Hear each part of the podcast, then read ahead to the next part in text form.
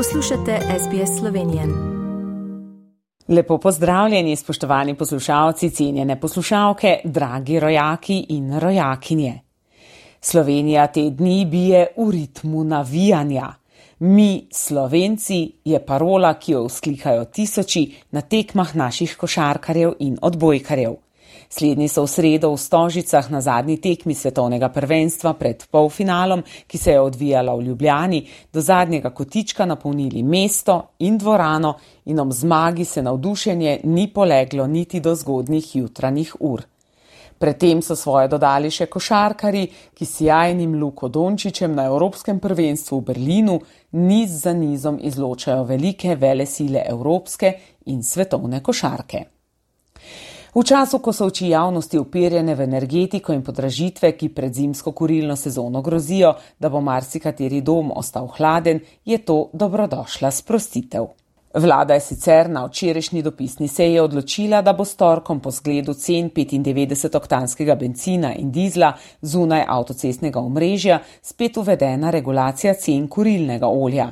Cene bodo izračunane na podlagi posebne formule, marža trgovcev bo omejena na največ 8 centov na liter. Za novično regulacijo cen kurilnega olja se je odločila z namenom omilitve posledic energetske krize za državljanke in državljane v času pred začetkom kurilne sezone. Cena kurilnega olja je bila sicer regulirana že od začetka novembra lani do sredine letošnjega maja. Ob začetku regulacije je bila pri okoli evru za liter, vmes je upadla pod en evro, ob koncu regulacije pa je začela naraščati.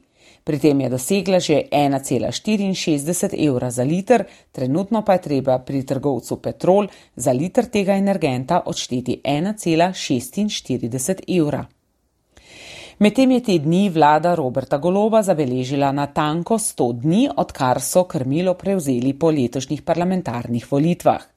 Premije je skupaj z ministri in predsednikoma vladajočih strank Tanjo Fajon in Luko Mesecem predstavil delo vlade v teh prvih stotih dneh.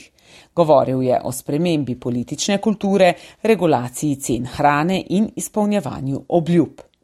Ponosen sem, da nam je uspelo spremeniti politično kulturo, je začel premijer Robert Golob in dodal, da se kritik opozicije glede tega zaveda, a na nje ni odgovoril. Je pa dodal, da se mu pomembnejše kot kritike opozicije zdijo mnenja voljivk in voljivcev. Ljudje lažje dihajo, ker jih politika ne zastruplja več, je poudaril. A vendar mu opozicija znova učita, da vlada sploh še ni sprejela nobenih pravih ukrepov. Prioritete izpred stotih dni, draginja in področje zdravstva in korone so izpolnjene, na jesen smo pripravljeni, pa je na očitek odvrnil golop in nadaljeval, da so se v poletnem času ukvarjali s pripravo ukrepov na obeh straneh. Na področju draginje so na primer zamrznili cene plina, regulirali marže naftnih derivatov, s tem pa ustvarili za ljudi predvidljive razmere. Prav tako smo se v tem času navadili življenja s koronavirusom, imamo odprto družbo, otroci hodijo v šolo brez mask in obveznega testiranja, se je še zagovarjal premije. Ob vsem tem se seveda nadaljujejo pogajanja o cenah energentov v Bruslju, vse oči pa so od sinoči uprte v Veliko Britanijo, kjer žalujejo za preminulo kraljico Elizabeto II. V kraljevo družino so izrazi sožalja potovali tudi iz Slovenije se pa med tem nadaljuje tudi bitka za novo predsedniško ime. V teh dneh smo dobili novega kandidata. Novo Slovenijo bo zastopal predsedniški kandidat Janez Cigler Kralj, ki sicer sam še ni predstavil svoje kandidature, je pa že jasno, da kandidiral bo. Medtem je Slovenijo končno le zajelo tudi nekaj padavin, ki po dolgem sušnem obdobju močijo zemljo in skrbijo za izsušene vodotoke. Padavine bodo gotovo prispevale tudi k rasti vrtnin in drugih polščin in travinja, se so temperature za ta čas še vedno zelo visoke, čez dan se ponekod še vedno povspenjajo vse do 30 stopinj. Dokler so šolari v šolah in ljudje hodijo v službe, tudi ni pretirane bojazni, da bi karkoli šlo narobe, čeprav se novi koronavirus ponovno precej širi.